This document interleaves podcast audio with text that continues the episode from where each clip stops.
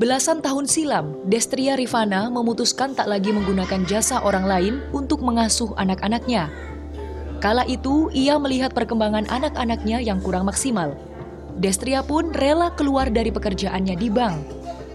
Setelah menjadi ibu rumah tangga, ia memberikan waktu penuh untuk ketiga anaknya dengan menerapkan pola asuh yang demokratis.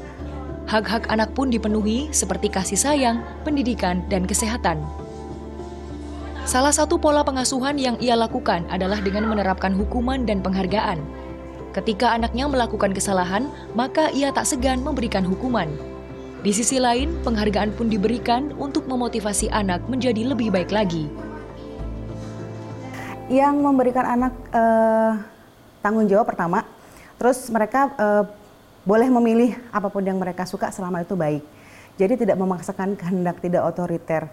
Kalau zaman dulu kan memang lebih otoriter ya. Jadi anak itu nggak boleh membantah orang tua. Boleh sih berargumen atau misalnya berpendapat yang berbeda dengan orang tua. Karena kan ya ada pepatah bilang sih e, anakmu hidup di zamannya tidak bisa sama dengan cara didik kamu waktu kecil gitu. Jadi Sesuai peraturan pemerintah nomor 44 tahun 2017 tentang pelaksanaan pengasuhan anak, pengasuhan anak adalah upaya untuk memenuhi kebutuhan akan kasih sayang, kelekatan, keselamatan, dan kesejahteraan yang menetap dan berkelanjutan demi kepentingan terbaik bagi anak. Dalam pola asuh yang layak, tak boleh ada diskriminasi untuk anak dengan kriteria apa pun. Orang tua atau orang tua pengganti juga harus memperhatikan kelangsungan hidup dan kepentingan perkembangan anak serta menghormati pandangan anak. Adapun hak-hak anak yang harus dipenuhi antara lain hak sipil dan kebebasan, lingkungan keluarga dan pengasuhan alternatif, kesehatan dasar dan kesejahteraan, pendidikan, pemanfaatan waktu luang dan kegiatan budaya, serta perlindungan khusus. Berdasarkan data survei sosial ekonomi nasional, persentase balita yang pernah mendapat pola asuh tidak layak masih cukup tinggi, yaitu 3,69 persen pada akhir 2022. Sementara target yang ingin dicapai adalah 3,55 persen. Hal tersebut dipengaruhi oleh faktor pengetahuan orang tua atau orang tua pengganti faktor ekonomi, sosial, budaya, kondisi alam, dan teknologi informasi.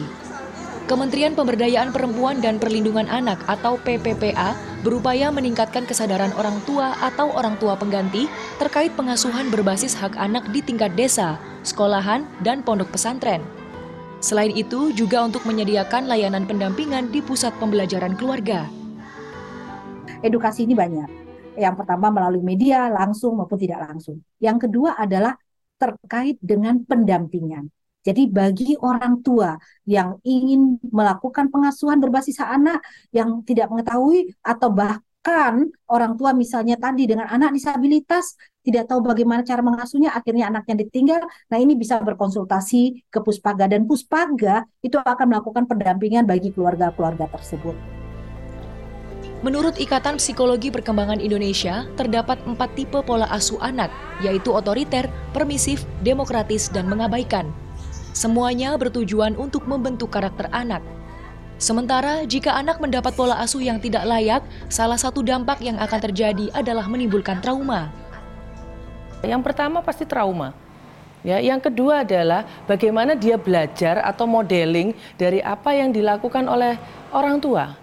Memukul, akan terekam di memorinya bahwa saya dulu dipukul ketika melakukan kesalahan, maka akan menjadi benar ketika berikutnya saya memukul. Gitu ya. Nah, kemudian berikut dulu saya disayang-sayang loh, kamu suami saya kok sekarang kasar ke saya. Dampaknya seperti itu. Pemerintah pun perlu untuk memberdayakan perempuan penyintas kekerasan, perempuan kepala keluarga, dan perempuan di kelompok rentan karena jika perempuan berdaya, anak akan terlindungi. Dan jika perempuan bahagia, anak juga akan bahagia. Kansata Marindora, Didin Iswandani, Jawa Timur.